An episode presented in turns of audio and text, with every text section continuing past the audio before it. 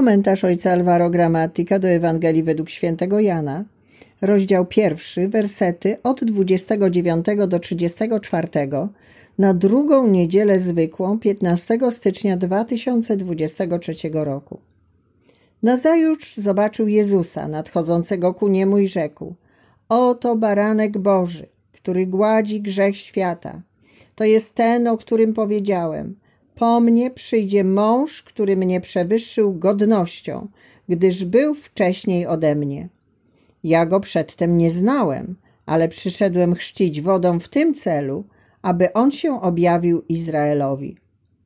Jan dał takie świadectwo. Ujrzałem ducha, który jak gołębica stępował z nieba i spoczął na nim. Ja go przedtem nie znałem, ale ten, który mnie posłał, abym chrzcił wodą, powiedział do mnie – ten, nad którym ujrzysz ducha stępującego i spoczywającego nad nim, jest tym, który chrzci duchem świętym. Ja to ujrzałem i daję świadectwo, że on jest synem Bożym. W Ewangelii jest opisane, jak Jan Chrzciciel otrzymał od Boga bardzo precyzyjne wskazówki, aby rozpoznać Mesjasza. Otrzymał dwa znaki: stąpienie i pozostanie Ducha Świętego na Mesjaszu. Jezus jest rozpoznany nie tylko jako ten, który przebacza grzechy, ale przede wszystkim jako zwiastun innego jakościowo życia, życia opartego nie tylko na przebaczeniu i nawróceniu, ale na stałej obecności Ducha Świętego. Są to dwa różne style życia, które się nie wykluczają, ale jeden domaga się drugiego. Albowiem życie w Duchu Świętym obejmuje i przewyższa nawrócenie i przebaczenie grzechów. Jest to coś jakościowo wyższego.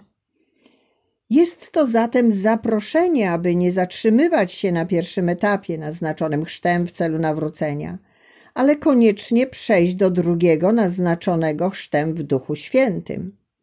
Jesteśmy bowiem powołani, aby żyć i świadczyć o nowości życia w Duchu Świętym. Jan Chrzciciel widzi zstępującego ducha, którego utożsamia z gołębicą.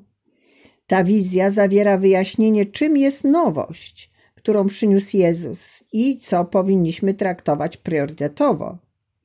Obecność ducha jest zawsze konkretna, doświadczalna, widzialna. Nie ma życia w duchu, którego nie widać. Obecność ducha objawia się w całym naszym życiu poprzez radość i dynamizm, które są typowe dla Ducha Świętego. Jeśli jest ogień, to on pali, czuje się go i widzi. Skoro stąpienie ducha jest doświadczeniem widzialnym, oznacza to, że nie ma wylania ducha, jeśli nie ma nowej, konkretnej relacji z braćmi i siostrami.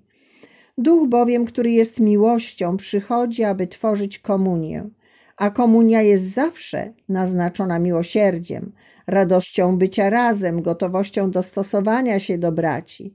To jest prawdziwa miłość. Duch stępuje i trwa w komunii. Nie jest to doświadczenie chwilowe, ale jest to stan życia, który trwa pomimo wzlotów i upadków, pomimo trudności, pomimo naszej biedy i niewierności. Są to więc dwa znaki nowego życia radość i komunia. Nowe życie to przede wszystkim poczucie bycia kochanym i zdolnym do kochania Boga i braci. Chrzest w Duchu Świętym daje coś nowego daje radość pomimo problemów i daje komunię pomimo zniewag. Ale to wszystko wymaga naszej współpracy, gotowości do życia w inny sposób, w jedności z Duchem Świętym, który sprawia, że wołamy Abba, Ojcze i sprawia, że szukamy komunii z braćmi. Oto zatem dwa konkretne zobowiązania. Przeżywać radość bycia kochanym poprzez synowską modlitwę bez filtrów, pełną ufności i wdzięczności i przeżywać radość bycia razem z braćmi.